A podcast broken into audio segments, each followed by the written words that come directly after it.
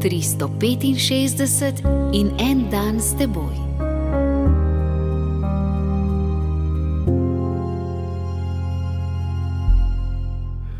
Iz prve Mojzesove knjige, drugo poglavje, tretja vrstica.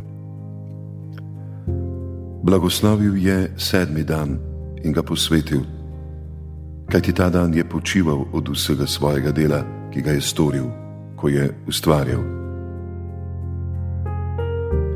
Ne vsakdanja pokrpana oblačila, temveč lepa obleka. Ne malovredni obroki, temveč obilno kosilo, počitek po trdem delu, prijatelji po samoti na poljih. Takšna je bila nedelja v kmečki kulturi. Nedelja je bila dan, ki je dajal smisel drugim dnevom, in vse se je vrtelo okoli Maše. V industrijski družbi je nedelja konec tedna, ko čakamo na ponedeljek, dan, ko bomo spet produktivni, tisti pravi dan. In Maša?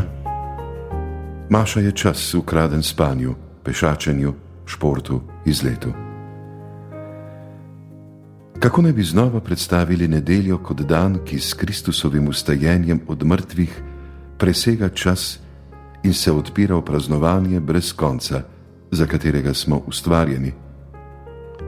Tarnati in objokovati preteklost nič ne koristi.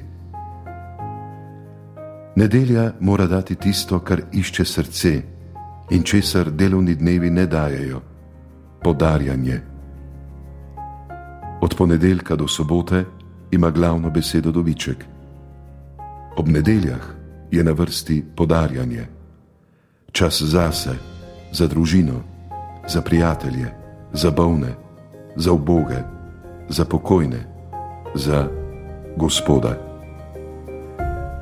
Središče vsega pa je Maša.